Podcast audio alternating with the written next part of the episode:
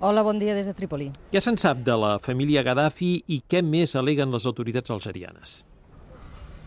Doncs eh, se sap que aquestes 30 persones, 30 membres de la família que van travessar la frontera, eh, estan en territori algerià de manera, segons Algèria, provisional. És un lloc de pas cap a un altre destí que no han concretat, que per tant desconeixem, si és que s'acaba complint això, i que, per descomptat, el Consell Nacional de Transició Libi, el govern rebel, no accepta. Ells diuen que aquestes 30 persones han de ser repatriades en territori libi per compareixer davant la justícia i donar comptes de, dels crims en què hagin pogut participar, perquè, és clar, entre ells no només hi ha la filla Aixa, la que veiem eh, fa uns dies fent, eh, enviant missatges eh, als seus eh, fidels dient que havien de resistir fins a la mort, sinó també dos fills del dictador, a banda de la seva dona i alguns nets.